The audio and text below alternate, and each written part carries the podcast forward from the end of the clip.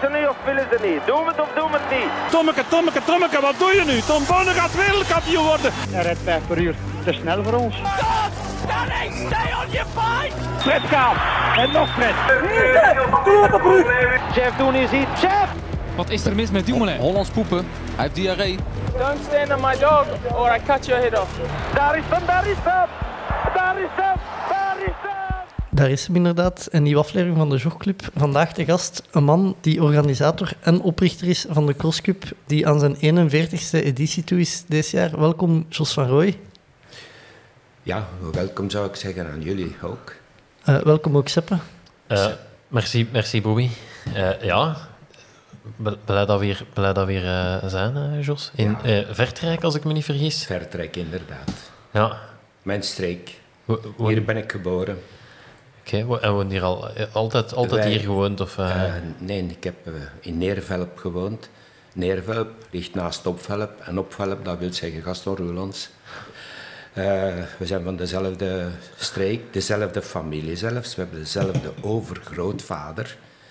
En dezelfde school gelopen, lagere school. En Gaston was hier dus in mijn tijd de enige sportfiguur. De enige sport die ook telde, dat was lopen. Ja. Zo gemakkelijk was het. Geen enkel voetbalploeg uh, kon hier overleven, want alle aandacht ging. Supportersclubs, dat was alleen maar Gaston Roelands. Amai. Ja. En heb, liep je zelf ook, heb je zelf ook uh, gelopen? Of, ja, of? dat kon niet anders. Hè. Nee. Uh, er was maar één sport. Uh, plus het feit, ik was nogal heel sportief aangelegd. En ik ging dikwijls naar Gaston, omdat ik ook een felle supporter was. Ik ben zelf begonnen als junior. En toen in der tijd reden we nog drie, vier bussen. Gingen mee naar elke cross waar Gaston liep. Amai. En dan de jeugd, dat was het voorprogramma. Hè. En dan als Gaston kwam, ja, dan stormde iedereen naar buiten. En dan was het groot feest. En dat feest duurde gewoonlijk tot we terug waren hier in Vertrek aan het station. Dat was de verzamelplaats van de supporters. Ja. Dus jij reed mee met een bus? Met de bus, ja. En je, en je liep zelf ook? We liepen zelf. Als junior heb ik gelopen, ja. ja. En later heb ik dan uh, natuurlijk uh, wat andere sporten. Ik heb leren, gestudeerd als leraar lichamelijke opvoeding. En vanaf het moment dat iedereen dat zo wat wist, moest ik hier trainer worden van de supportersclub. en uh, je kunt het niet geloven, maar in die tijd hadden we 80 leden hier. Kijk maar eens even rond op de boeren buiten, zegden we vroeger. En ja, dat was het grote feest. Hè. De supportersclub had niet alleen Gaston Roelands, maar nu hadden ze ook nog een atletiekvereniging. En ze hebben dan de onderafdeling van Dering Leuven hier opgericht, mij als trainer aangeduid. En uh, elke zondag was het feest, het voorprogramma voor Gaston Roelands. Mooi. Waren je zelf een goede loper? Ik heb uh, later een tijdje gestopt, dan terug er begonnen. En ik heb uh, later wel, ik noem mij subtopper, maar ik ben wel op één prestatie dat is op marathon. Ik liep toen 2 uur 23. Dat was de zevende beste tijd aller tijden in België. En als je dan weet wie er voor u in dat klassement stond of in die ranking stond, er waren ook figuren, Gaston Roelands, Maurice Kepeyre, Aureel van den Driessen. En dat, die zevende plaats, daar ben ik nog altijd vier op. 2 uur 23 in een periode dat je niet mocht drinken tijdens de marathon. Echt? Het was verboden. Het stond niet in het reglement. En als men u betrapte, dan werd je gedis gedisqualificeerd. En gebeurde het? Werd er gedronken? Nee, wij dronken niet. Maar het grootste verschil, de marathonlopers van vroeger, dat waren zo'n beetje helden. Tenminste, als ze over de aankomstlijn kwamen. Ja, dat kan en, ik geloven, dat ja, je niet mocht drinken. dat was zo. Maar je was ook dan wel uh, gelukkig gelijk dat, er, dat het op straat was, dat je wist welke richting dat je nog moest lopen op het einde. Het was echt... Uh, plus het feit dat wij niet geëquipeerd waren. Ik was lid van Dering Leuven. En we liepen dan met zo'n rode band op ons truitje, clubtruitje. En ja, de tepels die, uh, die waren even rood als de rode streep van Dering Leuven. Ja, dat zal wel. Plus de broekjes die waren dan niet uh, zoals vandaag. Dat was altijd omgezoomd, genaaid met de naad naar binnen. Tussen de benen was ook nogal een schuurpartij. En de schoenen, ja, we hadden maar één paar schoenen. Hè. Dat waren deze waarmee we trainden, Ja. pantoffels. En dan hadden we spikes, gewoonlijk twee paar. Eentje dat versleten was met korte pinnen En één dat wat nieuwer was met lange pinnen. Allee. En, en ja, ik heb nu Berlijn gelopen. Daar is het om, de, om de vijf kilometer... Moet jij drinken aanpakken? Ja, maar tegenwoordig als men een 100 meter spurt loopt, heeft ze er ook een eh, flesje water aan de, naast de startblok. Hè. ik denk eh, dat die, eh, dat is zeer, zeer goed gepromoot, hè, dat drinken. Ja. En ik moet u zeggen, ja, we waren dan wel 5, 6 kilo verloren op het einde van de marathon. Als je broek aantrok terug, dan dacht je dat is de mijne niet. Dat is van iemand anders. En de dagen daarop, ja, die waren wel niet zo comfortabel met al de blaren enzovoorts, op de voeten. Maar eh, ik moet u zeggen, tot vandaag, eh, ik drink als ik ga fietsen, dan drink ik niet. Hè, uur, één uur of twee uur, ja, je zet zo gewoon. Maar het grote verschil van de marathons van vroeger was, iedereen die aan de start stond, die was voorbereid. Die wist, die was getraind om die afstand aan te kunnen. Terwijl vandaag, ik heb ook genoeg marathons ingericht, eh, terwijl vandaag mensen stappen zomaar in, hè, onvoorbereid. Ja, ze doen er dan wel vijf uren over. Maar goed, eh, dat is een totaal verschillende inzet, hè, Ja, ja. inspanningen. Wanneer hebben ze dat ingevoerd, dat je mocht drinken in de marathon, weet je dat? kan ik me niet goed herinneren, maar ik weet de eerste man die echt eh, dronk, dat was in de marathon van München. Was dat Shorter misschien? En die had als recept een eh, cola, een platte cola. ja. Dus een cola waar de bruis uit was. En die is begonnen. En dan is dat zo stilletjes aan ingevoerd. gevoerd. En iedereen had dan zijn eigen eh, dranken, een beetje gepersonaliseerd. Het moest nog op het einde van de, eh, de laatste kilometers daar zo een scheutje gin tussen om wat op te peppen. Dat gebeurde allemaal wel. dat je dan onderweg ziek werd en zo, dat de ervaring bracht dat wel allemaal in. ja. Maar je hebt ze zelf nooit gelopen dat je mocht drinken. Nee, nee, nooit, ge- nooit gedaan. Eh, de crosscup is aan zijn 41ste jaargang toe. Ja. Hoe is het ooit begonnen? Mm, De beste organisatoren hier in België, en dat waren er toch wel heel wat, die hebben mij, ik was technisch directeur in die periode, in 1982. Van de Van atletiek? de val, Ah, ja. ja. En eh, die organisatoren hebben mij op een avond uitgenodigd. En die hebben gevraagd, zeg Jos, eh, we moeten toch iets doen rond dat veld lopen. En inderdaad, eh, de beste mannen zaten daar. Hanut, Roeselaar, Bierbeek, Wingenen, eh Denderhouten. Dat waren echte crossen met eh, serieuze internationaal deelnemersveld hoor. En ja, dan heb ik eh, gezegd, goed, dan gaan we een keer samenwerken. Hè. En als technisch directeur was er er erg aan geïnteresseerd, omdat ik dan invloed had op de planning van de atleten. Want je moet weten, in die tijd, die, onze beste atleten, die liepen tussen de, de 15 en de, de, de 25 crossen. Maar in de zomer braken die wel wereldrecords. Het is ongelooflijk hoor. Ja. Eh, een Gaston Roelands, die liep 20 crossen. En dan, ja, of een Puttemans was ook. Je kunt geen enkele atleet eh, noemen vanaf de 1500 meter die geen winterseizoen had, waarbij elk weekend bij aan de start stond. En uiteindelijk, in de laatste jaren, zit men in het, veld, in het veldrijden te promoten de, dat dat zeer goed is als voorbereiding op je zomerseizoen. Ja. Die prikkels die je dan krijgt, de training wordt minder monotoom, dus een beetje afwisseling. Maar dat wisten onze veldlopers al, of onze topatleten van de jaren eh 70, die wisten dat toen al. En eh, wat gebeurde er dan? Ja, ze waren, dat was spanning, daar waren supporters, het was, het was ongelooflijk wat een sfeer dat er was. Als je foto's ziet van de cross van Anut, ja, daar, daar stond daar ook eh 6.000, 7.000 man rond het parcours. Hè. Ze waren de voorlopers in feite van het cyclocross gebeuren van vandaag. Ja. Ja, en dan ben ik daarmee begonnen en eh, heb ik dan stilletjes aan dat overgenomen. Omdat eh, bij de organisatoren er moest nogal wat een en ander punt gezet worden.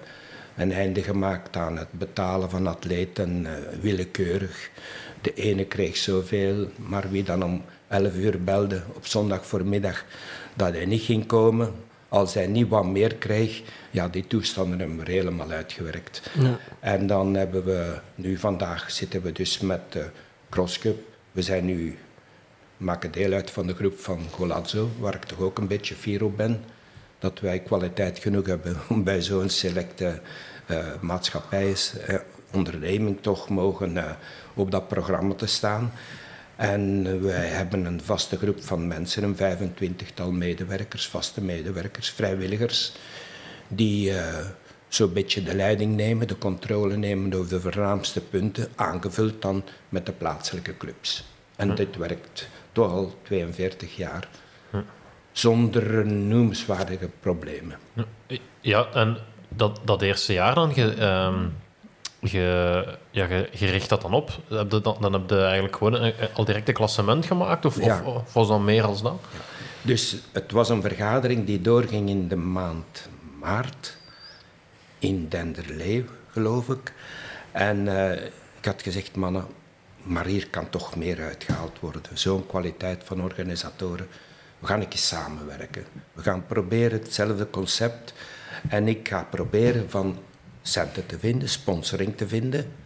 En dan gaan we een klassement maken. En ik weet nog, ik heb het nog altijd, gewoon iedereen rond de tafel, een paar zinnetjes op papier gezet. En ik kreeg de rechten van hen om sponsoring te zoeken met de bedoeling van een klassement te maken. Ja, en dan waren we vertrokken. In de maand mei had ik reeds de nodige som om dat kunnen te organiseren. En dan kregen we nog eh, het grote geluk. Het Olympisch Comité was toen ook een evenementenbureau. Die richtte bijvoorbeeld de grote prijs uit in Merks, een jumping, tennistoernooi. En wij werden, kregen daar ook plaats. En ineens kregen we dan van het Olympisch Comité, ik zal het nooit vergeten, 3 miljoen Belgische franken. Geen veel geld was. En we waren vertrokken. Ja. Amai. U, weet nog wat de eerste manches waren? Ja, die weet. Mm, ja, Beerbeek, Denderautum, Hanut, Roestelaren, Wingenen. Misschien heb ik er nog eentje vergeten. Ah, ja. En later hebben we dan dat uitgebreid naar de dames. Want toen in die tijd was het eh, de veldlopen. Dames liepen altijd, dat waren aparte crossen. Werd- Het was nooit een programma eh, mannen en vrouwen samen. En daar hebben we dan ook een beetje de voorloper in gespeeld. En eh, na enkele jaren hebben we dan toch de organisatoren van die damesveldlopen kunnen overtuigen. Een volledig programma. En dan is Sinai erbij gekomen, de Senderlo, toen met Betty van Steenbroek. Ja, we kregen echt, eh, we hadden alles onder controle. Ja. En vandaag denk ik nog steeds. Ja, absoluut. Was, dat, was, dat, was het direct eh, een, succes? Had dat direct, konden, kwamen de, de, grote atleten aan de start? Was het... Dat was de sterkte van CrossCup. CrossCup had altijd de grote atleten. Ja. Omdat wij ook georganiseerd eh, met de atleten een overeenkomst maakten, waarbij ze zich verbonden. Een dag, het weekend van de CrossCup, ga ik geen enkele andere cross doen. En dat is de regel die vandaag nog geldt. Dus eh, wij hebben vandaag met een vijftigtal atleten een overeenkomst. Atleten respecteren dus die formule, tekenen en die krijgen dan natuurlijk, want dat is iets nieuws. Vroeger eh, was de eerste, die kreeg de eerste prijs, maar ik heb nu een ander systeem dat ik voor de Belgische atleten premies geef. Dus de eerste Belg, ook al is hij vijfde, dan krijgt hij 1000 euro extra als eerst- eerste Belg. En zo verdelen we toch vandaag eh, onder de 10.000 euro onder de atleten. Alles is open, alles staat op papier. Ben je buitenlander, dan weet je, als je in België komt lopen, dan win ik dat. En eh, als ik Belg ben, dan krijg ik een extra premie. Ja. En dit draait. ja. D- Dat eerste jaar, wat, wat heb je met die 3 miljoen gedaan? Ook in de prijzenpot gestoken? Prijzenpot, een serieuze prijzenpot, plus dan eh, ook de organisatoren gesteund, hè, financieel gesteund. Om dat niveau stilletjes aan pas gedaan van piketten te kloppen om tien uur s morgens en de lint te spannen. En dan kwaliteit naar boven gebracht. Daarom VIP in der tijd, dat was belangrijk, want je had privé-sponsors. En er was dan heel wat belangstelling. Terwijl ik nu zeg dat is, dat is voorbij. De VIP, door corona deels, omdat de regels bestonden. Je mocht niet meer. Hè. Je mo mocht al tevreden zijn dat je mocht lopen, dat je mocht organiseren. Hebben we die uh, helemaal uh, bijna afgeschaft. En uh, hebben we nu na de wedstrijd een VIP-café waar atleten elkaar ontmoeten. En ja, mensen die daar echt daadwerkelijk mee bezig zijn. Maar niet meer komen we voor de VIP, maar eerst komen we voor de cross. En daarna samen een hapje en iets drinken en napraten over de wedstrijd. En dat is de beste formule. Ja. Back to the roots. Ja. Hoe, dat eerste jaar, hoe ging je op zoek naar sponsors? Was dat bij lokale handelaars gaan nee, aankloppen? Nee. Of? Ik had dan het geluk met het Olympisch Comité. Ik kreeg direct dus daar gemeentekrediet en nog andere van de groep van het Olympisch Comité. Dan na enkele jaren heeft het Olympisch Comité beslist, wij doen geen evenementen meer. Dus ze lieten al die grote sportevenementen los. Ja, en de grote prijs die Merckx ging dan naar de club die die wedstrijd inrichtte. Maar die stond er dan alleen voor. En wij stonden er ook alleen voor. Maar uh, op dat moment was ik ook nog leraar lichamelijke opvoeding. Ik was dan technisch directeur van de Val. Ik was adviseur bij Bloos, adviseur Olympisch Comité. Noem maar op, te veel, allemaal veel te veel. Maar dan had ik toch een formule gevonden waarbij ik een sponsor het recht gaf om sponsors aan te brengen. Ah. En uh, ik neem een voorbeeld, Le Coq Sportief is jaren geweest, maar die zorgde dan voor partners. Ah, oké. En dat werkte goed. Met gevolg, ja, we werkten dan met, met privé-sponsors en uh, was ongelooflijk. En toen ben ik op een moment uh, voor de keuze gesteld, ofwel ga ik nu stoppen met het onderwijs en begin ik mij te organiseren, ben ik verplicht van iemand in dienst te nemen, ben ik verplicht van een camion te kopen enzovoorts. Maar op dat moment kreeg ik een vraag van Bob Verbeek, de huidige Golazzo-CEO, Jos, willen we samenwerken? En uh, Bob was toen zelf organisator van heel wat joggings. Uh, Bob was toen ook, had ook een afspraak met uh, de Nacht van Heusden. Met Paul Eerdekes, mijn goede vriend. En beiden hebben me dan overtuigd, kom, we gaan samenwerken. En dan viel dus al die logistieke kant weg. Plus ook het zoeken naar sponsors enzovoorts. En ja, we werken nu toch al bijna twintig jaar samen. Eerst was dat low profile, maar nu is dat uh, voilà, zo. Hè. Ja. Ik werk voort en ik word geholpen. Ik hoef me geen zorgen te maken over de centen.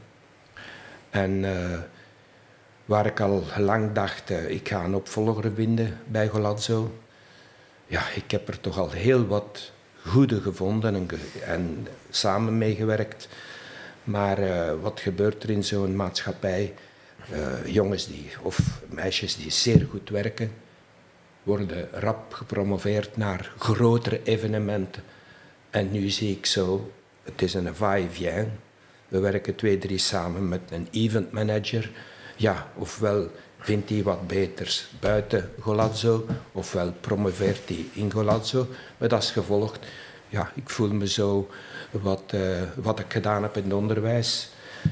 Uh, op begeleiden van uh, toekomstige leraars is nu begeleiden van professionelen van Golazzo, ja. die dan stilletjes aan groeien. Zich geen zorgen moeten maken, maar wel moeten aandachtig zijn en proberen te volgen. Ja. We hebben een afgewerkt product, dat durf ik nu zeggen. Ja. Uh, zou dat les blijven geven? Ik ben les blijven geven zolang tot ik mijn pensioen kon nemen. En dan heb ik na 35 jaar dienst ben ik gestopt. Ja. En ben ik blijven werken aan die crosscup, meer tijd gekregen.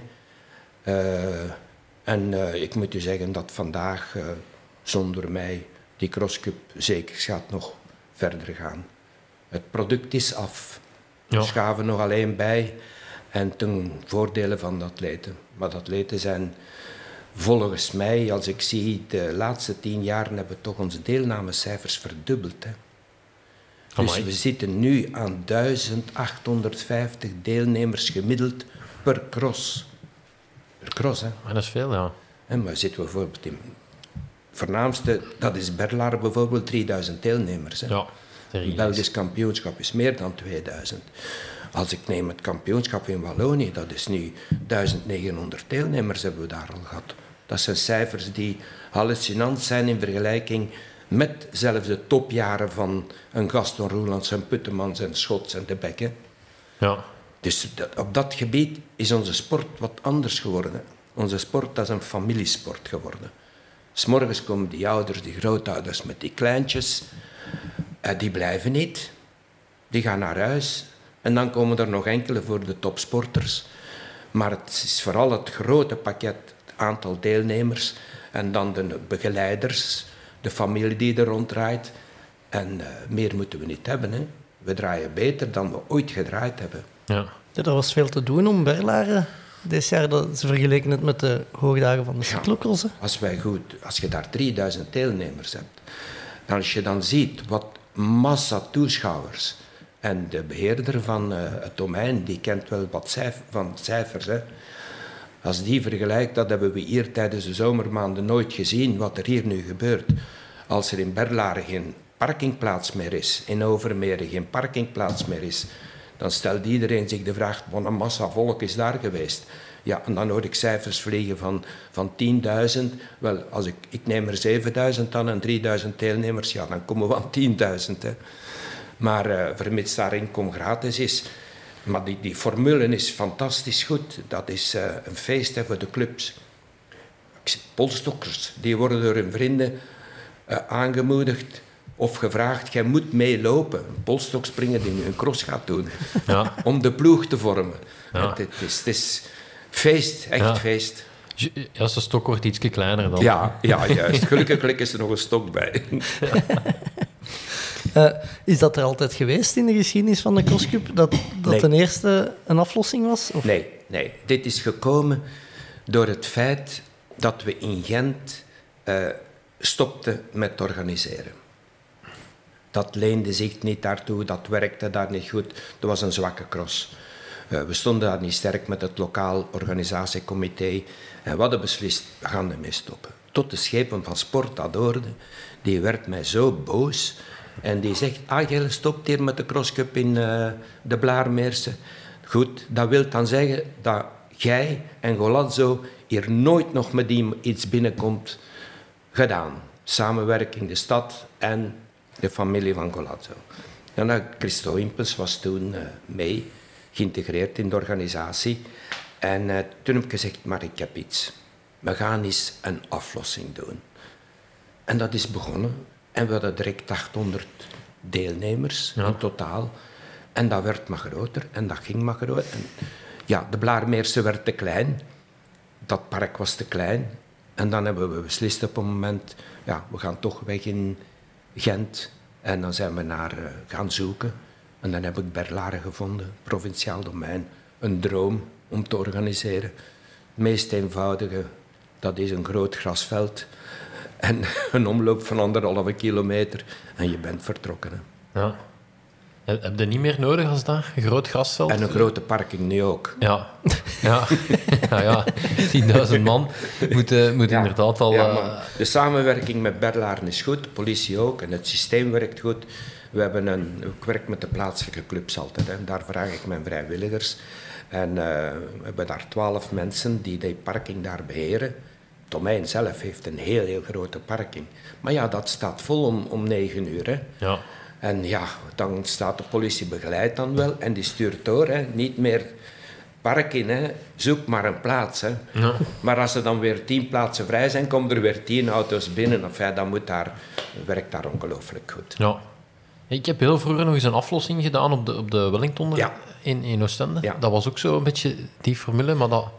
dat Dat was vanaf 200 al. Hè. ja, 200 meter en zo werd opgebouwd, 400 meter. En Ja. dat was, eh, maar ik heb me daar in feite niet op gebaseerd. Ik heb me gebaseerd oké. op de relays in Groot-Brittannië. ah ja. Daar is dat nogal populair in de maanden oktober. Ah, Ook een club gebeuren. Hè. Ja. En we hebben dat dan doorgetrokken bij ons tot bij de allerkleinste. Hè. Nou ja. Dus eh, de Benjaminnekes die lopen ook. Hè. En dat is... Maar je kunt je dan niet voor... Dit jaar, hè, als je zo een keer gaat kijken, hè, en ik ben daar zelf van verschoten, als je dan de, de kleintjes ziet, en sommigen zijn er 50 meter achter, maar die lachen. Hè. Die zijn nog altijd met een glimlach. Hè. Ja. En die krijgen de stok dan als allerlaatste en die vliegen er weer in. hè. Dus je hebt daar... Allee, dat is één feest. Maar het is wel, je hebt wel heel wat nodig om, om zoiets te organiseren. Dit jaar waren er meer dan 100 senioren mannen. Ploegen, hè. Dus dat wil zeggen, op een moment zitten in de aflossingszone 100, de tweede loper 200 atleten. Hè. Ja. En die vinden elkaar daar terug. En, en ja, dat gaat goed, hè. Ja. Ja, dat is inderdaad altijd eh, eh, grappig om te zien hoe, dat, dat ze elkaar, allee, Ja, hoe dat ja. ze elkaar toch altijd vinden Ja. in de chaos. En, Ja, eh, ja, ja. Maar goed, dan moet je ook wel zorgen dat je op een punt waar zij staan te wachten, wel zien, de posities zien van je ploegmaat. ja, ja. Dus dan moet je de de ronde zo wat organiseren dat ze een keer bijna passeren voorbij de af aflossingszone. Hè. ja. Eh, zijn er, zijn er, m- tekent het parcours nog altijd zelf uit? Ja, En, en zijn er dingen wat niet mogen? Zijn er, zijn er dingen waar je, waar je op let? Of, veiligheid is belangrijk. ja. Eh, natuurlijk, als je van zo'n massa atleten spreekt, heb je een heel brede startlijn nodig. Ja. Ja, Brussel is eh 40 meter. Hè. In eh Berlaren is dat ook 40 meter. Hè. ja. In, Dist is ook redelijk breed. In Dist is het ook, eh, hebben we ook veranderd. En, maar we leren elk jaar wel wat bij. Ja. En, eh, maar, eh, en de veiligheid dan. Hè. Geen, eh, want ik heb al de aanbiedingen gekregen. Kunnen we op het cyclocross-parcours ook geen cross zo'n proef integreren? Maar dat gaat niet. Hè. Dan verongelukken je atleten. Hè. Waar men met de fiets afrijdt, loopt jij niet af. Hè. Nee, niet altijd, nee. Nee, nee. En Nee, nee, ik heb nu de cross in Overijs gezien, inderdaad. Dat, dat, Dat is niet beloopbaar. nee, nee, Het is niet veilig voor ons atleten. nee. Dus dan, dat is plus het feit dan dat zij met eh, geasfalteerde of macadambanen zitten en zo, daar is dat. Nou, met spikes is niet ideaal. Nee, voilà. Dus. En zonder spikes kan je niet. nee. Eh, want ik, ik, ik was blij verrast om, als ik in Dist liep. Ja. Eh, ja, dat, dat, was, dat was zo een parcours waar je kon kiezen tussen een zandbak, tussen Ja. de modder. Je- Ja. dat, dat, zat, dat zat wat van alles in, een kort hellingsje. was heel gevarieerd eigenlijk. Maar eh, in Dist is het zeer moeilijk, omdat al die banen die zijn niet beloopbaar met spikes, hè, die wandelwegen. Ah, nee, dat is waar. En vandaar dat we die zandbakken in moeten en echt... eh, maar er is een enorme goede medewerking van provinciaal domein. hè. Ah ja, oké. Dat komt het niet op, eh, op 10 meter zand aan. Hè. Ah, nee. Om een baan dus eh, eh, beloopbaar te maken, Ja. dat gaat wel goed. En dan moeten we nog zorgen dat er daar ergens een quad kan rijden voor te filmen? Of... Dat er nog bij. Ja. Want nu zitten we met, eh, met grote problemen eh, in Roeselaar verleden jaar. Is een quad de laatste vastgereden? ronde is de kwad vastgereden. Ja. Maar ook die kwad die veroorzaakt eh, geen 5 centimeter modder, maar 30 centimeter diep modder. Hè. En dit is, dit is niet goed. Dus we hebben nu al besloten een gedeelte langer op het voetbalveld te lopen, de buitenkant van het voetbalveld, de 150 meter modder minder, en de kwad een afzonderlijk traject te geven Ah ja, oké. zodat de atleten op hun... Het is niet overal mogelijk, maar we gaan ervoor zorgen dat in drie vierde van de gevallen, zodat dat parcours toch wat sneller wordt. Want met de huidige selectienormen, eh, dat er tussen de eerste atleet en de vierde atleet bijvoorbeeld 40 seconden verschil mag zijn, wel in een modderparcours zoals dat van verleden jaar, dan loopt de laatste atleet 1 minuut 30, de vierde atleet, pardon, 1 minuut 30 hè, verschil. Terwijl op een gewoon goed beloopbaar parcours, tussen de 40 seconden komen ze binnen. Alle vier. Ja. Dat is het verschil. En dat zie je ook in de cyclocross. Hè. De tijdsverschillen zijn zo groot hoe slechter het parcours is. Ja. Maar als dat, dient, als dat dan dient als selectiewedstrijd, dan heb je als organisator de plicht om je atleten te helpen. Hè. En te zorgen dat er volledige ploegen gaan naar eh Turijn, want volgend jaar is in België, hè, is in Brussel, hè, Ja. het Europees kampioenschap. Ja. ja. Ik zie de fonkeling al in uw ogen als je Ja. erover begint. eh, het Europees kampioenschap in Brussel. Ja, Het is het zoveelste hè, voor mij. Ja? Ja, ik heb toch in totaal vijf wereldkampioenschappen zelf georganiseerd. Amai. En dit is nu het tweede Europees kampioenschap.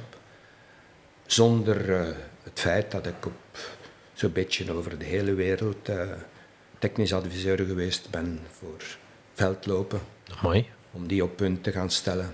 Op vraag van de Europese Federatie Ja. of van Wereldatle- We- World Athletics. Ja.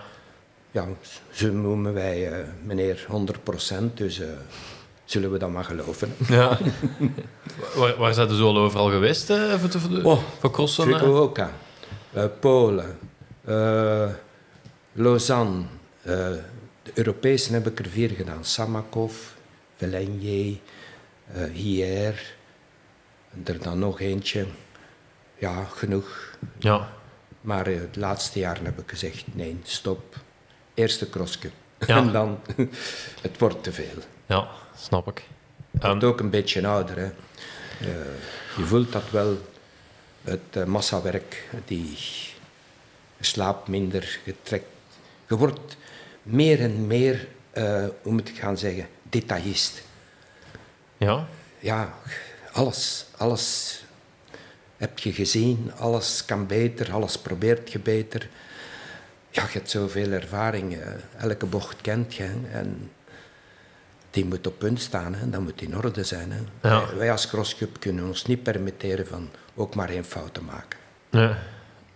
Hoe, hoe ziet zo'n week... eh, voor, voor, allee, het is, nu zondag is, is het uh, Roeselare. Ja.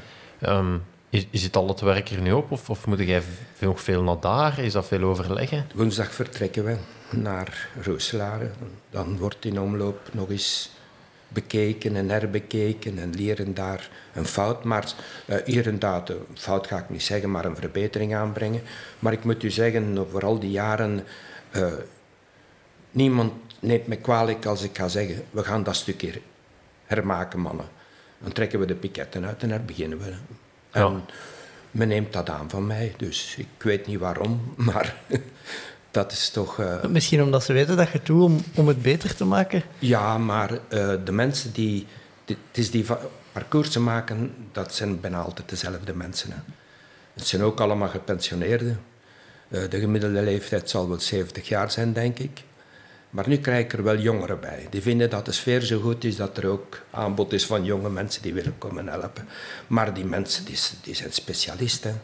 Die, die kunnen een piket in de grond kloppen met stijl. Hè. Terwijl als je dat moet gaan doen met, met jobstudenten bijvoorbeeld, of mensen die dat voor de eerste keer doen, ook al zijn ze vrijwilliger, begint daar niet aan. Hè. Nee, nee. En maar die acht mensen die vanaf de dinsdag die parcoursen opbouwen, die weten. Als Jos, Jos moet daar niet bij zijn. Jos moet daar alleen maar bij zijn om, eh, omdat ze mij er graag bij hebben. Hè, Want voor de rest eh, zou ik kunnen zeggen, ja, doe maar. Hè, en dan weet ik dat dat goed zal zijn. Ja. Uh, houden dan vanaf woensdag het weerbericht? Nou, let het in de gaten? of, of? Dat ben ik al drie weken aan het bekijken. Ja. Maar mijn ervaring is, eh, het is verloren tijd, maar het is een tijdverblijf voor mij. En, ja. Zoals de inschrijvingen, die bekijk ik ook vier keer per dag. Ah, ja. Hoe het verloopt. Eh, want we hadden ergens schrik in Roeselare. Het, het verliep slecht. Eh, er is een nieuw, iets nieuws gekomen. Vroeger schreef men een maand op voorhand in. En dat Ja. het meeste gedeelte was in het begin. Nu is het omgekeerde. Nu Ja. is de laatste drie, vier dagen. het- maar de dagen daarvoor zijn ongerust. Hè.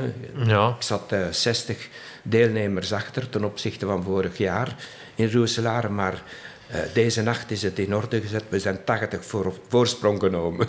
Dus van min 60 naar plus 80. Want Dus, het, is, het is misschien ook omdat ze lang gewacht hebben met de selectiecriteria. Om, omdat Nee. het niet duidelijk ging zijn of dat selectiecross zou ah, zijn of ja, niet. ja, maar, maar ju- juist de topatleten, RD inschrijven, dat durft, die durven soms wachten tot een paar uur de- voor de sluiting. hoor. ja. Maar ik zie nu toch eh, dat het redelijk goed is. Eh, We gaan een prachtige cross krijgen in Roeselare.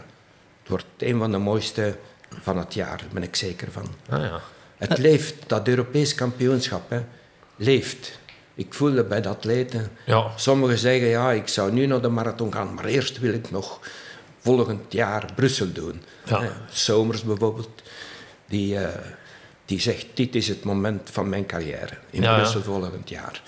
Dat, heeft gelijk, ja. Een EK in eigen land, kun je, Ja, dat kun je ja. toch niet missen? Zeker Nee, als je Nee. ja, de laatste, ja, vorig seizoen Ja. en, en dit seizoen de crosscup al gedomineerd Ja. hebt. En we hebben een mooie generatie, hè. dat moet ik zeggen. Bijzonder bij de mannen is dit eh, ongelooflijk goed. We zitten met... Ik, Isaac Imeli komt ook naar Rooselaren hoor. Somers zit daar, Sake zit daar. Boulevin heeft, is deze morgen, heeft zich ingeschreven. Dus dat wordt knokken. Hè. Ja, Want diegene die eh, zesde zal zijn of vierde zal zijn, dat gaat nog een topatleet zijn. Hè? Die nu niet in de ploeg Ja. zal, zal zitten. Hè? En bij de vrouwen hebben we dan... Bij de vrouwen is het laatste jaar. eh, maar daar is hoop door het feit... eh, onze dames, gelijk Anna Verbrugge, die gaat ook lopen in Rooselaren. Mieke Gorissen.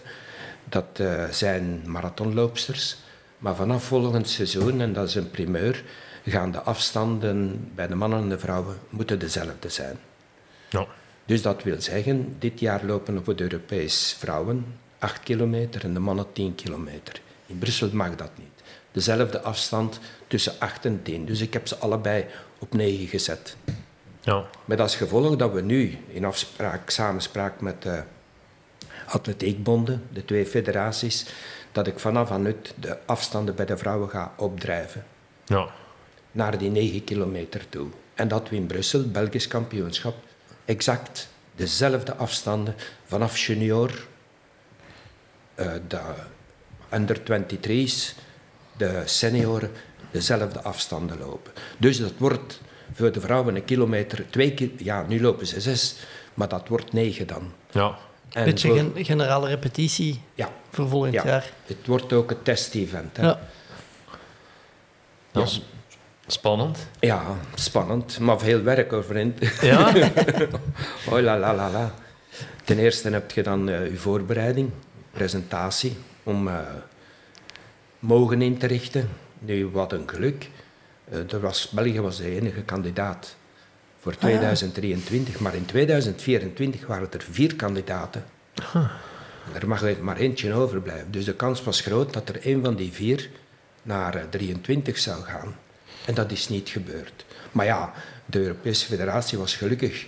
Brussel, zij hebben liever Brussel op hun, eh, tussen hun organisatoren dan Villeneuve bijvoorbeeld. Hè. Brussel is de hoofdstad van Europa. Ja, ja. Dus eh, bij hen is dat, is dat een cadeau. ja. Ja, we zijn vorig jaar in Brussel geweest. Was super, hè. Ja. Want, ja, dat was precies een feest. Allee, dat, Dat was, is zo, dat was ja. feest. Hè, ja, dat, Ja. komt ook een massa volk, massa Ja. kijkers. En het is een, volgens mij is dat het mooiste park, mooiste cross. ja, je kunt het, het mooie is, je kunt van overal Ja. het parcours zien. Waar je ook staat, je kan ze overal volgen. Ja. Ja. Zeker. Ja, echt ook in, in de schaduw van het atomium. Plus dat er dan nog bij. Ja. Dat maakt de beelden nog mooier. Ja. En, eh, het is een mooie vlakte, een mooi park. Plus het feit, het is volledig omringd door asfaltbanen. Dus je kunt bouwen. Hè. ja. ja ook al inderdaad. De enige zorg daar is dat er niet te veel schade in het park is. Want daar is men niet gelukkig mee. Nee? Nee, ah, wel, ik, ik was aan het denken, ik wou het daarnet al vragen eigenlijk. Eh, we hebben Roeselare vorig jaar gezien. Ja, Komt dat goed met die velden? dat komt goed. Dat komt goed, ja. Maar ja, de mensen moeten dan een week werken. hè. Om dat toch min of meer presentabel terug te maken. Inzaaien. In Brussel kunnen we, heb ik ooit eens tegenslag gehad. Toch voor 12.000 euro eh, kosten gehad. Hè. Aan het gazon. Hè. Moet het, en je moet het zelf echt terug... eh, Je moet het in de oorspronkelijke staat afleveren. Dat is wel moeilijk in februari. Dan moet je wel een paar maanden wachten tot het gras terug begint te groeien. Hè. Ja, ja. Maar eh, ik leg altijd uit, ja, met die spikes, hè, de pelouse is geverticuteerd. Hè, Dat dus is dat is ideaal. Hè. Ons is er van tussen. Ja, maar sommige mensen denken wel dat zanderendags eh ineens alles terug groen zal zien. Het is niet het geval. Hè. Nee. Maar we zitten toch al 30 jaar in het park van Laken. En, en, en hoe, waar maakte die kosten dan aan? Eh, Is dat, is dat echt aan het gras dat je terug moet inzaaien en, en mensen dat eraan moeten... Dat ja. moet dan ge- gelijk gemaakt worden, ingezaaid worden. En eh, zoiets kan je niet doen met om het even welke aannemer. Hè. Het is een aannemer die Ah, ja. door de eigenaars van het park aangeduid worden. Ja. Maar goed, dan, dan moet je zwijgen, dat moet je aanvaarden. Maar dat zoiets gebeurt om de tien jaren. Ja.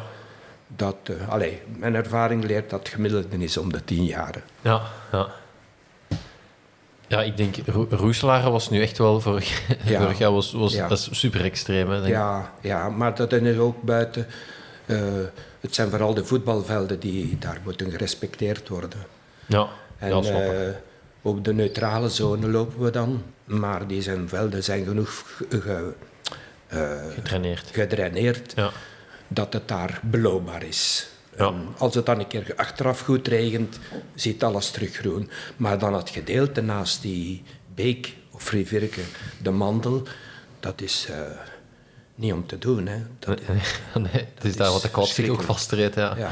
Maar goed, eh, dat moet niet gebruikt worden voor de voetbalcompetitie, dus daar is er geduld. Daar wordt dat wel hersteld weer. Ja. Vinden een dag later zo geen zes spikes of zo in die modder? Aan de... nee, nee maar wel atleten die hun spikes verliezen, dat wel. Ja, Hè, Landertijd gehad verleden jaar. inderdaad. Ja. was iemand die zo het slachtoffer was. Ja. Wij- vinden dat hij een comeback moet maken. eh, Ja. Omdat je zo niet kunt eindigen. Dat, dat kan niet uw laatste cross geweest zijn. Nee, maar ik had ik iets wat eh, inspraak had in de selectie, had ik hem meegenomen. Ja. En dan had dat gewoon, in plaats van een bronzen medaille, had dat een zilveren geworden. Ja. Want Lander die was toen in topconditie. Ja. Zelfs een van de beste conditie van zijn leven, denk Ja, ik. Ja, want hij, hij, loopt, hij loopt even snel de rest Ja, van de ja, cross als, ja. als dat ze van voorlopen. En dan verliest hij zijn spike. Ja. Bij cyclocross zou dat een attractie zijn. Hè? Ah ja, als je valt en een andere rijdt u voorbij, dan, dan applaudisseert men bijna. Men applaudisseert niet, maar bij wijze van spreken. Hè? Ja. Bij veldlopen is dat een ramp. Hè? Ja. En dat moet je zien te voorkomen als organisator. Maar dat kan je niet, dat heb je niet onder controle. Nee, nee, tuurlijk. Als zelfs eh, 20 kilometer verder eh, dan onze omloop de IJzer overstroomt, ja, dan, dan Ja. weet je wat er bij ons gebeurt. En in, in Oost-Vlaanderen, als, je, als ik naar, Oost, naar Roeselare rijd en ik zie de velden, daar staat allemaal vol water. Hier niet, hè. het mag even hard regenen. Hier in, in onze streek is dat. Daar zit geen plassen op de velden. Hè. Maar Nee. Daar blijft het water staan. Voilà. Ja. Eh, ja, je zei net dat je, dat je geen inspraak hebt in de selectiecommissie. Ik ben zelfs niet aangesloten. Ah, oké. Dat geeft me dan veel vrijheid. Ah ja. ja. Want ehm, ja, vorig jaar naar Roeselaar veel te doen om de, om de Ja. niet-selectie van de, van de vrouwen. Dat is dan aangevochten geweest. Ja, ja. Geen logisch is, hè.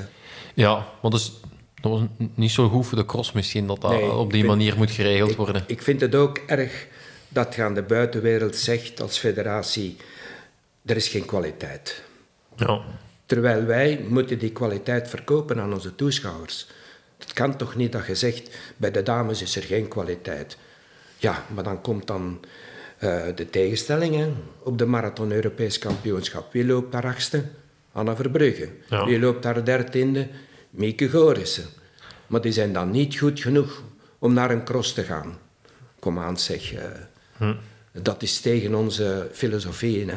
Ja. Dat is een beetje als bond u ja, tegen uw eigen winkel in Ja, babbelen. Hè? Ja, ja, dan heb je de meest succesvolle discipline. Dat kunnen we toch wel zeggen. Dat de veldlopen de meest succesvolle... eh, de memorials zijn verschillende proeven. Hè? En dat is een ander. Dat is een spektakel. Dat is in, eh, eh, in een, in een stadion. Maar dus... eh, er zal geen enkele discipline zijn in atletiek. Of geen ander kampioenschap dat zoveel aan, at- attractief is. Dat zoveel mensen aantrekt. Dan is het veldlopen toch, hè? ja, klopt. Ja. Ik denk, eh, als wij nu al soms eh, horen zeggen dat we eh, concurrent gaan worden van, van de cyclocross, ja, dan zijn we goed bezig. Hè? ja. Eh, Als je begon, hoe, waar dat, was dat dan even groot als de cyclocross? Was dat, was dat groter? Hoe, hoe, hoe moeten we dat inschatten? Toen hadden we, van, want de eerste eh overwinnaars, of het eerste podium van het klassement van de crosscup, dat was eerste Leo Schots, tweede Puttemans en derde De Bek. Dat was een fantastisch podium. Hè? Ja. Dat was de geschiedenis van een wereldkampioen, een wereldrecordhouder en nog een wereldkampioen, de Beck. Dus mooier kon het niet. Dat had ook direct succes. Maar dan is er toch een tijd geweest dat we stilletjes aan naar beneden gingen. En dat het moeilijk was om stand te houden. En nu, de laatste jaren, hè, is dat... eh, maar toen hadden we bijvoorbeeld de jeugd bestond bijna niet. Hè. De veldlopen waren gescheiden, vrouwen apart, mannen apart. Ja. Het is moeilijk te vergelijken, die periode 1982 met vandaag. hè. Ja. Wa- Wat ik erover hoor was dat het, dat het, eh, het, het seniorengedeelte dat dat veel groter was. Dat er veel, dat, dat, dat er veel meer starters waren en dat het nu veel meer over de jeugd gespreid is. Of is dat Ik verkeerd? zou zeggen toch van niet. Hè. Als je nu ziet, eh, ik neem de dames bijvoorbeeld. Ik Ja. herinner mij, twintig jaar geleden, in Doer stonden we met elf dames aan de start. Mooi. was nog een keer rechtstreeks op tv erbovenop. Dat, is, dat doet pijn als je dat ziet staan. Hè. Ja. En wie waren dat dan? Ingrid Lagrange, Lieve Slegers, Veronique Collard. Dat is een van de beste lichtingen, generaties geweest die we ooit gehad hebben bij de dames veldlopen. Hè. En Lieve Slegers, Collard, dat waren werkelijk wereldtoppers hè, op dat moment. En als je nu vandaag ziet, die korte crossvrouwen die we daarbij gevoegd hebben. Wel, eh, ik voorspel u, in Roeselare gaan 30 à 40 vrouwen de lange cross doen. En misschien 60 vrouwen de korte cross. Ah. Dat zijn 100 senioren vrouwen hè, die nu aan de start staan. Ah, ja. Dat is maal 10 in vergelijking met 20 jaar geleden. Ja. Hetzelfde bij de relays. Oh ja, dat 80 ploegen. Vrouwen, senioren vrouwen. 80 maal, maal 3, dus 240 senioren vrouwen die komen veldlopen. Dat zijn toch eh, fantastische cijfers. ja, ja, absoluut. Ja. Want ik hou van cijfers. Dat is het enige dat mij... eh, Ja. de, cijfers gebaseerd op de uitslag. Hè. Ja. Nu is het gedaan, alles wordt op voorhand, vooraf ge- geregistreerd. Vandaag is het klaar en duidelijk. Als je vandaag duizend inschrijvingen hebt, dan zijn daarvan 960 atleten aan de start. Ja. Omdat ze een bijdrage moeten doen. Ja. Ook een vernieuwing die we gedaan hebben. Dus eh, registratie is volledig, inschrijvingen is elektronisch, uitslagen online. Dus de atleet moet nog alleen over de, de aankomst lopen. En hij weet al direct we- welke zijn tijd is, welke zijn tussentijden zijn. Dus dat is, dat is luxueus. Wat we dan als gevolg hadden... eh Sporza was daar een samenvatting aan het maken. En die kregen hun eh, samenvatting niet verstuurd, omdat eh, eh, de... Wacht, wat, hè? De timing of zo. de- Nee, alles was overbezet. Ah ja. ja, de servers. Ja. Ja, ja. Het netwerk. Dus door ja. het feit dat iedereen met zijn gsm bezig was, kon de VRT niet on- eh, online verder werken. Ze moesten dat, eh, want we hebben dat dan voor de volgende wedstrijden, hebben we dat verbeterd. Nu hebben ze andere eh, materiaal meegebracht om toch wel... Nu werken ze met de kabel, Ja. terwijl ze vroeger Via het netwerk ging. ja, Ja. via het netwerk werkten. Wel, dat is toch, toch weer een vaststelling dit jaar. Ja. een cross en de hele omgeving ligt plat. Ja. Is het altijd op tv geweest? Ja, wij hebben nu toch telkens hebben we een kwartier, twintig minuten. Gewoonlijk eh, na de cyclocross, als er cyclocross is. Gelijk nu, eh, volgende zondag Rooselaar is al de voetbal natuurlijk. En Ah, ja. dan de cyclocross en dan komt eh, het veldlopen. Maar we hebben toch nog rechtstreeks eh vanuit. En eh, wij hebben rechtstreeks Brussel. En verleden jaar was eh, dus en RTBF en Sporza. En dan hebben ze ons nog na de wielerwedstrijd Brussel-Keurne-Brussel nog 45 minuten gegeven. En we zijn aan het kijkcijfers 400.000. 400.000 kijkers. Dan zit je bij een van de best bekeken programma's van die zondag. Hè. ja. Ik weet vroeger als kind dat ik eigenlijk heel veel lopers kende van de uitzending van Sporza. Ja, ik ook. Ik ook, ja. Wat wil je? Als je geregeld Ah, Ze ziet, ja. Ik, ik, ik ben weer wat zomers bezig, omdat dat nogal een eh, enthousiaste loper is. Die, eh een Vincent Rousseau, dat was saai. maar een zomers, daar valt wat rond te beleven. Hè.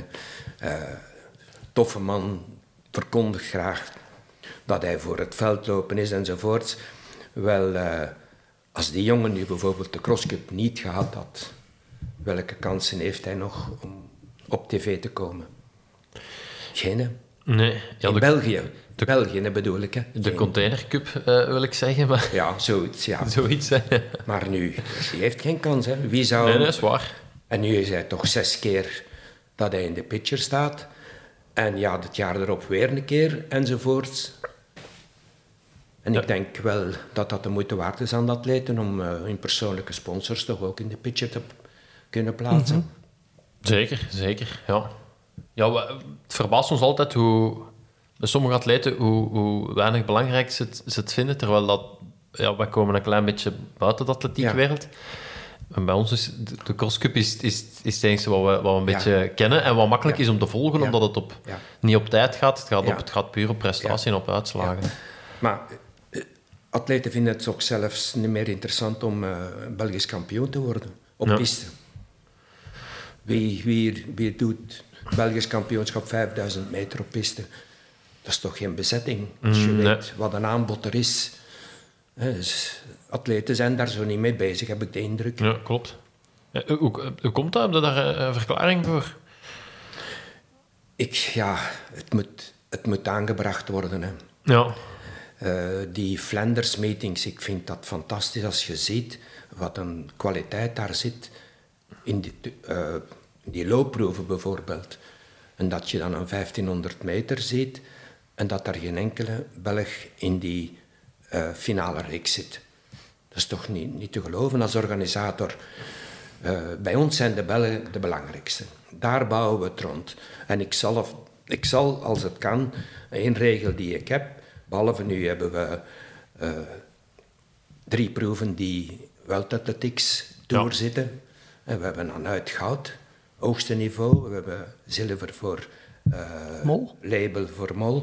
En de Belgische kampioens- kampioenschappen een bronslabel. Onze drie, atleten, onze drie proeven, als atleten daaraan deelnemen, die winnen punten.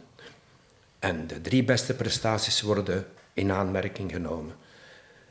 Wel, als Somers aan uitgelopen had en de conditie die hij toen had, dan won hij aan uit, dan was hij bij de top 5 van de world ranking. Top 5.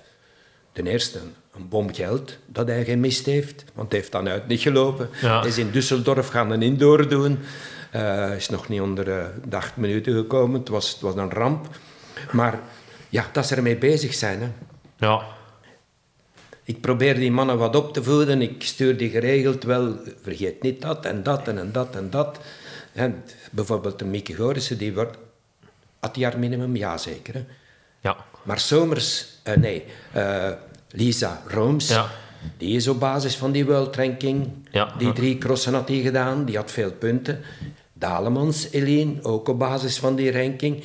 Dus zonder dat ze het weten, werden ze daar ineens opgeroepen op basis van de prestaties van het veldlopen. Ja. En nu is er een nieuwe eh rage bezig of zo, wat de- de- een gewoonte geworden. Ze willen allemaal een marathon lopen. Ja. Er zijn bij de mannen zijn er toch tien atleten die twee uur en tien kunnen lopen in België. Ja. Ja, maar wat gaat je nu met 2.10 doen? Wat ga je daarmee doen? Eh, Je moet onder de 2.5 lopen om eh je boterham kunnen te verdienen, laat ons zeggen. Hè? Om in de pitcher te komen. Hè? Ja. Is het misschien de schuld van Koenaert die met Berlijn te winnen Europees kampioen te worden en dat er veel gedacht hebben, dat kan ik ook? Ja, maar Koenaert, dat is niet alleen snel lopen. Hè? Nee, nee, dat is waar. Die man heeft nog een andere troef. Hè? Zijn mentaliteit, die, Ja. die kun je niet evenaren. Hè? Nee. En Koenaert wint gewoon op basis... Allee, het is een, het is een, go- hij heeft de crosscup gewonnen. Hè? Ja. Intussen, Staat Paul Maris. enkele jaren geleden hè, was hij eindwinnaar van de crosscup. Dus hij is een goede veldloper. En eh, ja, die man heeft dan, loopt ook niet slecht. Hè. Zijn tijd op de marathon mag gezien worden. Hè. Maar aan degenen die komen, zoals de Bouchikis en zo, je moet Koenaert naar huis lopen. Hè. Je moet Bashir naar huis lopen. Hè. Dat zie ik allemaal niet zitten. Hè. Dus zou het niet goed zijn van een, be- een beetje meer te spreiden en doen zoals in de goede oude tijd. eh, marathons die werden gelopen vanaf september. En in de rest van de winter was het crossen en de zomer was het dan tot ook september was het op piste. En dan ging je naar de marathon. Hè. Ja. Goed voorbereid. Hè. Maar alles leggen op die marathon, ik vind dat zo riskant. Qua kwetsuren ook. Hey, de, de baan, de, onderschat het niet. Hè? nee, Altijd nee. op die harde wegen enzovoorts. Zijn je niet beter van een wat algemene conditie op te doen in de winter? Zodat je dan, als je in topconditie uit de winter komt, met, niet, niet in top, met een goede algemene conditie, ja, dan gaat het gemakkelijk zijn om je minimum te halen in de eerste wedstrijden van het, van het voorjaar zelfs. Hè. Ja. En dan kun je rustig opbouwen naar die internationale kampioenschappen. Maar niet zoals het vandaag is, 14 dagen voor het internationale kampioenschap nog gaan jagen achter een minimum, dat je dan kunt lopen in de nacht van Heusden. En dan, 14 dagen daarna, word je voor de leeuwen gegooid, maar je bent mentaal toch niet klaar. Als je moet jagen tot 14 dagen voor die grote proef op je minimum. Nee. En dat zouden de atleten... Dat is nu iets wat ik opmerk, dat vele van onze goede atleten denken, ik ga het maken in de marathon. Ik vind het zo spijtig, een talent van de Bonnier. Ja. Die fixeert zich nu volledig op die straat. Kan niet goed zijn, een Buciki. La Seine Buciki. Ja, daar komt, komt miserie van, hè. Een kersten. Is al gekwetst, onder andere. Ja. Ik Ja. noem er hier vier op. Ja, ja. Ja, ja, ik, ik, ik volg, we, we hebben een podcast opgenomen met William van Dijk ook. Ja, ja. En hij zei ook dat hem zijn winter nodig had. Hij legde dat goed uit dat, hem eigenlijk, dat, dat, zijn, dat zijn cross per week zijn, zijn intervaltraining was. En voor de rest deed hij heel veel basis in, de, in de winter. Ook een winnaar van de Cross Cup geweest. Hè? Ja, inderdaad. Dus- en Rousseau is toch het beste voorbeeld. Ja. Dat, die liep iedereen in de vernieling, maar eh, wat hij rea- realiseerde in de zomer op de marathon, Ja. dat was wereldklasse. Hè? ja. En Doe je nog een poging om Koenaert en Bashirabi aan de start te krijgen van een crosscup? Of, jullie krijgen het als eerste te horen, voilà. Koenaert gaat in Roeselare lopen. Mooi, tof. Ja. Ja. Max? Maar hij, hij moet nog wat afwachten, want ik geloof dat hij deze weekend gelopen heeft. Nijmegen, ja. Nijmegen. hè. Ja. Maar hij heeft eh, een mailtje gestuurd. Ja, ik ga terug een keer met spikes aantrekken. Ah, kijk hoe. Ja. We hopen nu... Het is aan hem om te, mede te delen dat hij gaat. Want het kan zijn dat het nog niet 100% is. Hè. Nee, nee, nee. Veel hangt af van hoe hij de wedstrijd van gisteren verteerd heeft. En dan zal hij... Want hij woont in Roeselare tenslotte. Hè. Ah, ja, dat is Ja. waar. Ja. Ja. Ja, het zal fantastisch worden. De deelnemers die we gaan krijgen. Ook, ook iemand die naar de marathon gaat, dat is Boulevin. ja. Ja, die was derde op het Belgisch kampioenschap cross verleden jaar. Hè. Mhm. Maar nu focust de jongen zich volledig. Maar tot mijn verrassing deze morgen hij is ingeschreven. Hij gaat crossen in Roeselare. Ja. Ja, goed, hè. Ja. Ja, goed allemaal. Hè. I- Ja. Is dat het effect van eh, de selectiekosten zijn, denk je? Dat, dat ze toch nog allemaal afzakken naar Roeselare? Ja, maar, maar is ook voor de Belgen is er een, mooi franksje te verdienen. Hè. Dus eh, Ja. dat is geen, geen cross die staat op de internationale kalender. Dus daar is het gewoon prijs en geld en de bonussen voor de Belgen. Maar ja, dat is op zich, als je als Belg de hele crosscup loopt, toch ook een mooie cent te verdienen. Als je ziet Michael Somers, die gaat voor een, Ja. voor een loper goed verdiend hebben vorig jaar. Wel, eh, als iemand die alle wedstrijden van de Crosscup loopt, de Crosscup wint dat jaar, die heeft toch altijd eerste of tweede geweest in, die proeven. Wel, dat is zoiets rond de 15.000 euro. Oh, mooi. Voor zes wedstrijden. Ja. Die je thuis loopt. Hè. Hm? Het is niet dat je het vliegtuig moet nemen en eh, de maandag terugkomt enzovoort. Dat je meer vermoeid bent van, van het reizen dan van het lopen zelf. Hè. Ja. Ja, dat is... eh, maar dan moet je wel winnen. Hè. Ja, maar ja, dat- is toch... eh, het is, toch, het is toch ook mooi meegenomen als je, als je je, je marathonavontuur wilt financieren of zo. Ik Je zeg moet, het maar zo. je moet weten, onze, onze topatleten, eh, buiten Mieke Gorissen, die, die heeft een job in het onderwijs. Maar de rest, eh, ofwel is het bij Vlaanderen, ofwel zijn ze bij Vlaanderen buiten gegooid. En moeten ze naar Adeps, waar ze twee jaar moeten wachten, eerst daar een beurs krijgen. Of is het bij een Waalse club. Dus laat me zeggen, eh, rijk zul je er niet van worden. Hè. Maar als je dan die, die extra daarbij kunt nemen, ja, dan maakt het leven mooier toch. Hè? Ja, zeker. Zeker, ja. Een atleet vraagt niet veel, hè? die vraagt weinig comfort. Hè? Een afstandsloper die kan met weinig leven. Hè? Ja. Ja, zwaar. Ja, ik had ook gezien op, de- op, eh, op Twitter, eh, Milan Augustijns die tweette dat Simon de Bonji gisteren op de Zevenheuvelloop snelste Europeaan Ja. ooit. Ja, fantastisch. hè? Ja, Maar dat was, was een krak bij de belofte. Toen, spijtig genoeg, heeft hij in Tilburg met zijn voet, met zijn teen tegen die, die een slechte boomstronk die daar lag, heeft hij zich gekwetst. En ja, dan is zijn carrière toch wel een beetje naar beneden weggezakt. En nu komt hij terug via de stratenwedstrijden. Ik wens hem veel succes toe. Maar eh, of het het goede concept is, dat weet ik niet. Ik heb daar mijn twijfels over. Ja. Ja. Ehm, ja, de mannen die bewust kiezen voor... eh, er is ja, veel toppers die enkel Roeselaren lopen Mhm. en de rest van de crosscup links laten liggen. Wat denkt u daarvan? Ja, ik vraag me af waarom dat ze het laten liggen. Dus zoals een William van Dijk zegt, eh, dit is een, maakt deel uit van mijn trainingsprogramma. Kunt je wedstrijd inbouwen als deel uitmakende van je trainingsprogramma. Hè. Interval zul je daar doen, plus het feit mentaal is het toch wel een opluchting als je je winter kunt eh, eh, variatie brengen door veldlopen in plaats van alleen maar te trainen, te trainen, te trainen en te wachten op de eerste zomerwedstrijden. Mentaal vind ik het beste, komt maar naar de crosscup, daar is ambiance. Je maakt nog een beetje promotie voor jezelf en je wint een extraatje. En het is een droom wat wij aanbieden aan onze atleten. Weinigen begrijpen. Ik hoop dat velen het begrijpen, maar sommigen begrijpen dat niet.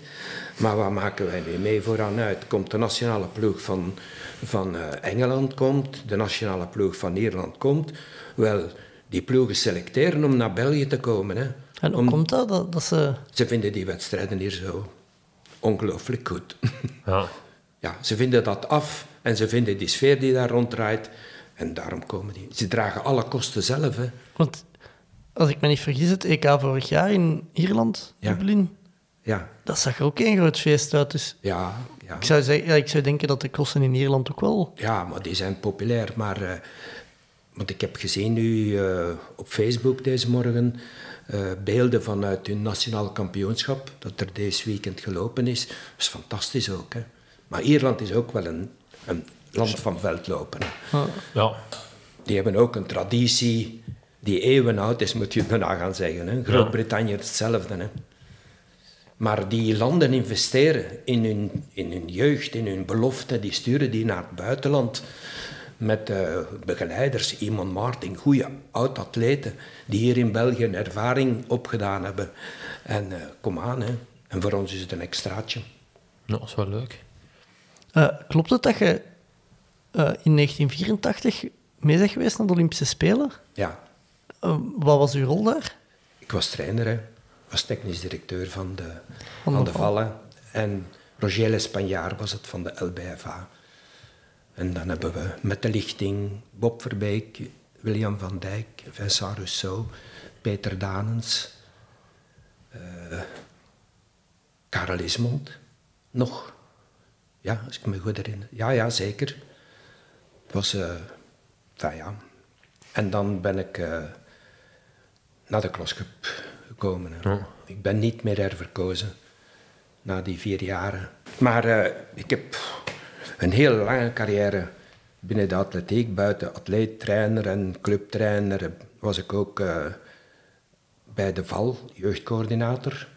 Daarna ben ik dan eh adjunct-trainer van Mon van den Einde.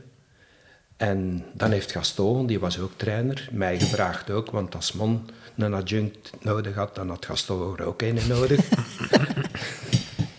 en dan ben ik technisch directeur geworden en ben ik met die crosscup, maar ik heb nooit, of nooit, en ik heb het nog tegen mijn vrouw gezegd, ik heb het zelf ontdekt een paar dagen geleden, ik heb nooit gevraagd om iets te mogen doen in die sportwereld. Ze zijn het altijd aan u komen vragen. Men heeft mij altijd gevraagd.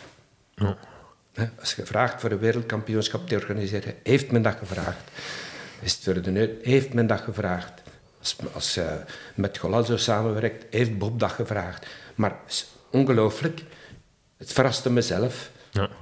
Maar je hebt in, eh, 2001 in Oostende Het, op twee weken tijd dat was een record. een WK georganiseerd. Ja. Ik was op weg naar de, de Vijf Molens. En, eh, want toen had ik in mijn hoofd, wat ik in België doe, wil ik ook Europees doen. En we hebben twee jaren achter elkaar hebben we een Europees circuit gehad. Met de Vijf Molens, met eh, Belfast, met eh, eh, Edinburgh, de Algarve, Brussel en nog een Franse cross, Vanf. En dan hadden we circuit. En ik kreeg veel geld, sponsoring, wat kwam van de Europese gemeenschap. En ik was toen op weg naar Milaan de, voor de Vijf Molens, dat is er kort bij. En ik had met mijn vrouw beloofd, ja goed, eh, we gaan nu een keer eh, wat langer, we vertrekken vroeger en we gingen naar Venetië. En dan zo zouden we naar Milaan gegaan hebben. Ik was nog niet in Venetië, krijg ik toch wel een telefoon van de secretaris-generaal Pierre Weiss van de AWF.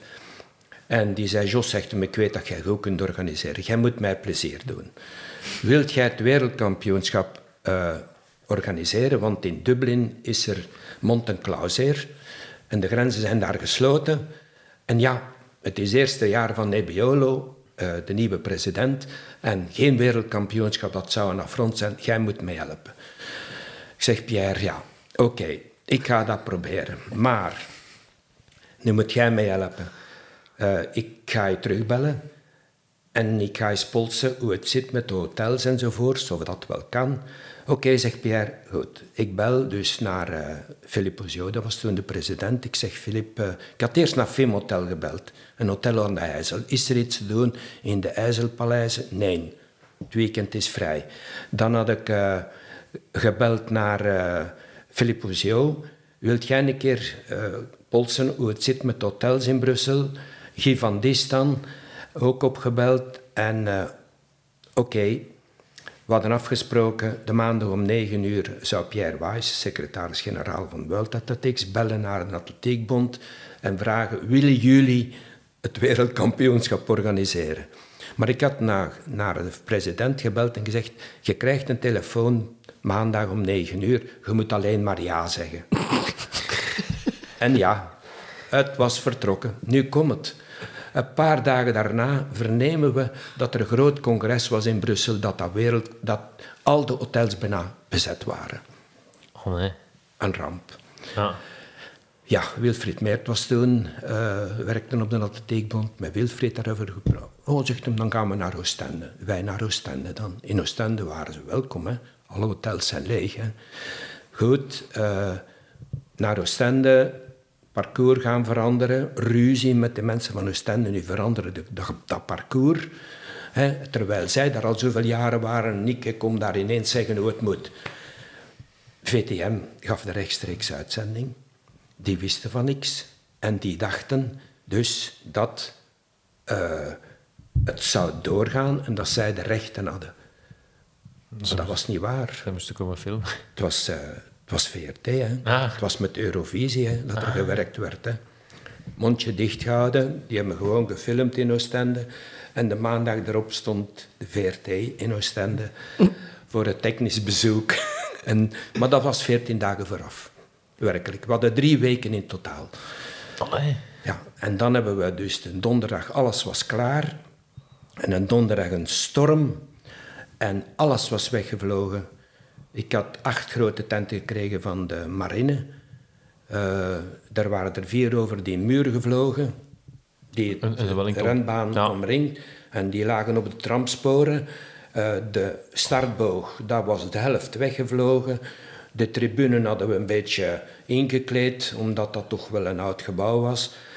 En we konden er beginnen de donderdag. En dan kwam het, het bleef regenen. Het achterste gedeelte van het parcours was overstroomd.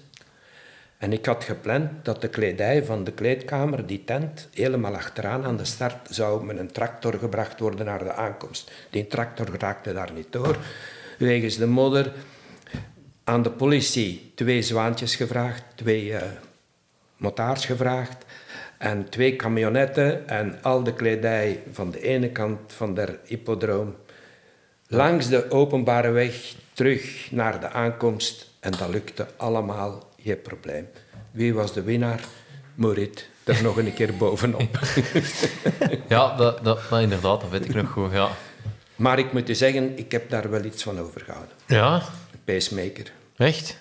Ik was kapot. Drie weken niet slapen en dan al die omstandigheden. Ja, Maar het, heeft, het is geen nadeel hoor, een pacemaker. hè. Nee. Au contraire. ja. hadden, hadden beter uw telefoon niet opgepakt eh, eh, en met uw vrouw naar Venetië geweest? Ja, want zij herinnert zich dan nog altijd. Dat schijnt zijn wij in Venetië geweest. dat is alleen maar getelefoneerd geworden dan. maar dat was fantastisch. Ik had dan het draaiboek beginnen te schrijven. En eh, ik had goed alles mooi in sectoren gezet. Die doet de start, die doet dat, die doet dat en zo. En met de clubs. En die mannen leverden een briefing. Ik had het uitgeschreven en ik kon het maar aan één persoon geven. Ik zeg, jij trekt nu je plan. Zo is het aan de start, zo gaan we werken. Jean van Onselen was dat, de mannen van Beerschot Atletiekclub. En die had mensen rond zich verzameld. En dat was precies, of hun leven daarvan afhing, dat is perfect verlopen. Ja. In zoverre, als beloning kregen we dus van de World Athletics het wereldkampioenschap twee jaar nadien, daarna toegekend, Brussel. Ja. En dan ging ik aan mijn vrijwilligers vragen, dezelfde, hé mannen, doe er mee. En Jean van Onselen die zegde mij, Jos, je hebt chance, zegt hij. Want had je het mij niet gevraagd, had ik nooit meer tegen u gesproken. en nu staan we weer gereed voor het Europees. En het zijn weer dezelfde mensen. Links en rechts is er spijtig genoeg een en uitgevallen. Maar het zijn weer dezelfde mensen die... En dan maakt het... Dat is wel veel werk hoor, maar dat maakt het zo aangenaam. Ja. ja. Wordt het EK volgend jaar zo het hoogtepunt van eh 40 jaar crosscup? Nee, dus het hoogtepunt bestaat niet hè. in zo'n lange carrière. Dat het hoogtepunt is alleen. Mijn, mijn conclusie is dat ik eh, iemand ben die heel hard gewerkt heeft, een fantastische vrouw heeft. Want die is nu aan het werken voor de crosscup, die even gedreven is als ik. En dat je de gezondheid houdt. Want als een van, als je relatie op de klippen loopt en eh, als je gezondheid het niet toelaat, dan is dat geen 40 jaar. Hè. Ja. Dan is dat rap gedaan hoor. Wat, wat doet uw vrouw zoal voor de crosscup? Mijn vrouw die doet het hele secretariaat. Amai. En eh, uitnodigingen, contracten met atleten, administratief verwerken, de VIP's enzovoort. eh. plus het... eh, zondag staat die op een stand van de inschrijvingen. De kleintjes die uitgenodigd worden, die gratis mogen deelnemen. Ja. Dus wij hebben een systeem waarbij de scholencrossen in die periode, in die streek, dat onze organisatoren daar gaan uitnodigingen uitdelen. En met die uitnodigingen komen de kinderen. Die krijgen dan een gratis borstnummer als ze niet aangesloten zijn. En die krijgen toegang voor twee personen, twee begeleiders. En dat is haar werk. Pas op, wij hebben er dat systeem hè, in aan uit. 175 kinderen die voor de eerste keer Amai. in hun leven na de scholencross aan een echte cross komen deelnemen. En dat, dat brengt dat allemaal mee. Hè. Dat is succes. Hè. Dat is wel een goede formule, ja. Ja, maar die werkt al jaren. En vroeger had ik eh, eh, veel eh, hulp van de minister van Sport. Maar nu is dat niet meer. Nee. Nee. Maar het zijn mijn zorgen niet. Nee. Financieel is het eh, de ploeg van Golazzo Ja. die daarvoor verantwoordelijk is. In, eh, in tegenstelling tot de marathon worden we hier wel bevoorraad. Ja. Ah ja, ja, ja. Opgepast. Ik heb twee keer eh, het wereldkampioenschap halve marathon in Brussel georganiseerd. Hè. Ja. En was dat, mocht er toen al wel bevoorraad worden? Toen werd er bevoorraad, ja. Ja. Om de 2,5 kilometer. Dat is wel grappig, want we hebben het altijd over zo een, een tijd gelopen met carbonschoenen en zonder carbonschoenen. ja. Maar je kunt eigenlijk ook zeggen met bevoorrading en zonder bevoorrading. Maar kun je je voorstellen, Gaston Roelands, die won... In, A- in, in Athene was hij tweede, hè. Ja. 40 graden. 40 graden. En die man die dronken is. Hoe zeg? Ja. Dat is... En vandaag... eh, ik weet niet wat. Hè. Nee, nee. Het is precies... eh, neem nu eh, Tokio, waar hij eh, Olympisch kampioen geworden is. Ja, dat was... moet doen, hè. Ja, ja. Werken gaan en, enzovoorts. Hè. En wat ik dan spijtig vind, dat zijn mensen die zoveel ervaring hebben. En men vraagt vanuit de Atletiekbond nog niet eens... wil jij een keer je ervaring komen mededelen? Aan, ons, aan onze generatie. Ja. Je mag er, je mag er niet mee lachen. hè. Oké, het zijn weer die oude en dit en dat, maar eh, eh, die weten wel hoe ze met die temperaturen moeten omgaan, hoor. En hoe ze zich voorbereid hebben. Hè. Wat deed hem zoal? Gaston, oh, die pakte ze zelfs in hun eten mee. Hè. Aureel van den Dries, die marathonloper, die pakte alles zelf mee. Dus die zou voor geen verrassingen gekomen hebben. Hè. Ja. Maar eh, eh, denk niet dat, dat die... ja, die gingen veel op stage. Romeu, St. Moritz en dan in, eh, in Scandinavië. Maar die vlogen niet naar de andere, die vlogen niet naar Kenia, hè. Kenia hè. of uit Ethiopië om zich voor te bereiden. Hè. Ja. Maar, eh, daar, maar die deden het. Hè. Ik zie nog altijd die marathon van, eh, van Athene op tv. Ineens, het verkeer reed langs één kant van de weg. Er was één strook die vrij was voor hen. Dus er zware camions die die voorbij staken en zo. En ineens was Ron bij hem op het laatste, bij de afdaling naar, naar Athene toe. En daar werd hij verrast ineens. Maar hij had dat gelopen omdat hem slecht gelopen op, op de 10.000. En hij zegde, we komen toch het hotel voorbij, dan stap ik uit. Maar hij was, was aan de kop. Dat zijn ongelooflijke verhalen. Oh, ja. Ja.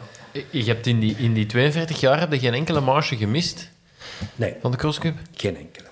Ehm, is het ooit eens misgelopen? Of is het altijd goed verlopen? Je- Nooit mislopen. Nee. Nee. Eén, één zaak vergeet ik niet, dat is in Doer. Daar hebben we een storm gehad. En dat was eh, meer dan 90 kilometer per uur. Amai. Dat was een live uitzending. Daar hebben we dus brandweer arriveerde, alle tenten leeg, iedereen eruit. Er stond geen enkele bareel nog recht. Zo wind was het. Alles platgezet. Met de, de bareel met de minst gevaarlijke kant naar de binnenkant. En dat leed, liep in een wedstrijd precies of er niks gebeurd was. Amai. Ja, dat is... Maar dat was wel niet nadenken, hè. dat was werken. Hè. Ja. Werken, werken, werken. Hè. Dus zelfs de toeschouwers hielpen mee, alles plat zetten enzovoort. Ja. Maar dat is... Maar voor de rest is alles eh, buiten de kleine dingen die altijd gebeuren. Hè. Zo. Ja, kom. Kan altijd iets mislopen. Hè. Ja. Maar ik heb toch dikwijls hè, dat ik eh, thuis kom en eh, moet zeggen, dit was nu eens 100% zoals ik wilde. Nou ja. Dat gebeurt meer en meer en meer. Ja. Wat ik niet kan zeggen eh, dat dat beter gekund of dit doen of dat, nee. nee. Eh, in ve- in 42 jaar crosscup, wie vinden zo de mooiste atleten dat je zien lopen hebt? Of dat, waar dat je fan van zij? Het mooiste, er wel, wel wat mooie geweest hoor. Maar die dan uiteindelijk het niet waargemaakt hebben. Maar een mooie atleet was toch eh, Ingrid Del- Delagrange. Qua uitstraling, qua présence, qua stijl. En was niet de topper, de wereldtopper, maar moest toch, eh, ze won toch de crosscup. Hè. Ja. En dan eh, niet vergeten, Vincent Rousseau, hè. dat was indrukwekkend. hè. Die klopte de hele wereld. Hè. Dat is een, en, en een Rudy Wallem vind ik ook een fantastisch, want dat was een, dat is een onderschatte atleet. Hè. Maar die is in dat, in dat eh, Europees circuit is die toch derde geëindigd. Hè. Terwijl dat Paula Gerrard en Lebit daar waren enzovoort. Hè. Ja. Er was ook iemand die er heel goed mee bezig was. Mooi, maar ik, ik kan zo... Ja, moet een lijstje voor mijn neus hebben. Hè, om, Ja, ja. Ja, en in de huidige generatie, eh, Michael Somers heeft al gezegd, ik, ja, ik, ik vind dat eh, ja, iemand gedreven, vriendelijk, eh, enthousiast. Ja, die, die leeft voor zijn sport ook. Natuurlijk staat hij ook nu weer op de lijst van die marathonlopers. Hè. ja, Weer een erbij. Ja. Eh, de- de Pieter Jan Hannes, eh, een goede vriend van onze, Ja. van onze podcast. Ja. Ja, hij heeft, hij heeft ook echt topdagen gehad in de, in de crosscup. En is nu... Zeker, eh, bij de jeugd, hè. ja, bij de beloften. Hè. Dus, eh, Is dan een tweede carrière bezig? ja, zijn- Vorig jaar terug naar TK. Ja, ja, ja, ja, maar het zit erin. Hè. Je gaat een lange cross doen waarschijnlijk. ja. Maar het zal, de tegenstand zal wel zwaar zijn deze keer. Hè. Als ik al die namen opgenoemd heb, eh, het zal een mooie cross worden in Roeselaar. Ik ben daar zeker van. Maar Peter Jan, die is ook een, een, eh, ja, moet een ambassadeur van de atletiek. Hè. Ja, absoluut. Ja. Dus die is clever, weet het altijd op een zeer aangename manier te vertellen. Boeit iedereen. Mooi. Ja. ja. Eh, voor de rest nog vragen, Seppe? Voor Jos? Eh, misschien eens over de, het nog eens over de balken hebben. Eh, hebben, die er, hebben die er altijd ingelezen in de crosscup? Nee, die heb ik erbij gehaald omdat ik een goede sponsor had. Ik wilde niet de pitcher zetten. Ja, ja. En ze zijn gebleven. Oké. We proberen al anderhalf jaar werk te maken om zelf de balken te kunnen Ah, sponsoren. wie, wie, moeten we, wie moeten we ervan duwen? Of wie- tegen wie moeten we opbieden? Momenteel is het gemakkelijk. Nou ja, Het is gemakkelijk. eh, dat, dat gaat geregeld worden. dat, eh, ja, ja. Dus de- een verantwoordelijkheid van Golazzo. Hè. Ja, Dus, oké. eh, wij hebben het budget om eh, geen stap achteruit te zetten. Ja. Maar eh, hetgeen veranderd is, we hebben, bijzonder door de corona, terug leren op een eenvoudige manier organiseren. En dat wil zeggen, wat is het belangrijkste? Je wedstrijd, Ja. atleten en daar rond telt niet meer mee, want het mag niet. Je mag niet. En door de corona hebben we dan een stap vooruit gezet, omdat er geen eh, fysische contacten mochten zijn. Dan zijn we verplicht geworden. En zo heb ik ook het Belgisch kampioenschap kunnen organiseren in Brussel, uitzonderlijk. Door het feit dat het systeem zeer goed was. Iedereen is ingeschreven, iedereen is traceerbaar. En op het einde moet hij officieel daar geen kaartje gaan aftrekken van dat nummer. Moet hij niet gaan scannen op een halve meter. Dus geen contacten. En dat heeft ons geleerd, ja, wat is nu het voornaamste? Dat is mooi parcours, mooi deelnemersveld en alles eenvoudig houden. Ja. En ja, het is een voordeel geweest in feite dat corona... We hebben anders leren denken. Natuurlijk zijn daaraan, aan, ligt daaraan vast dat eh, die administratie, die wedstrijdadministratie, kost natuurlijk veel geld. Hè. Ja. Vandaag zijn er mensen aan het werken, borstnummers enzovoort. Zijn. Ja. Maar het, het, het blijft nog altijd wel heel goedkoop om een veldloop mee te doen. Ik, eh, Ja, ja zeker. ik, doe, ik, doe, zeker. ik doe triathlons in de Ja. zomer. eh, Ja. En ik, Ja, maar goed, maar dat was ook het opzet. Hè. Als we de, die pas, die stap nemen naar dat echt moderniseren, ja, dat kost ons dan wel 6000 euro per wedstrijd. Hè. ja. Hoe gaan we dat proberen? We moeten daar geen geld op winnen. Vroeger kostte ons dat geld. Ik heb nu geprobeerd, dit moet een nul-operatie worden.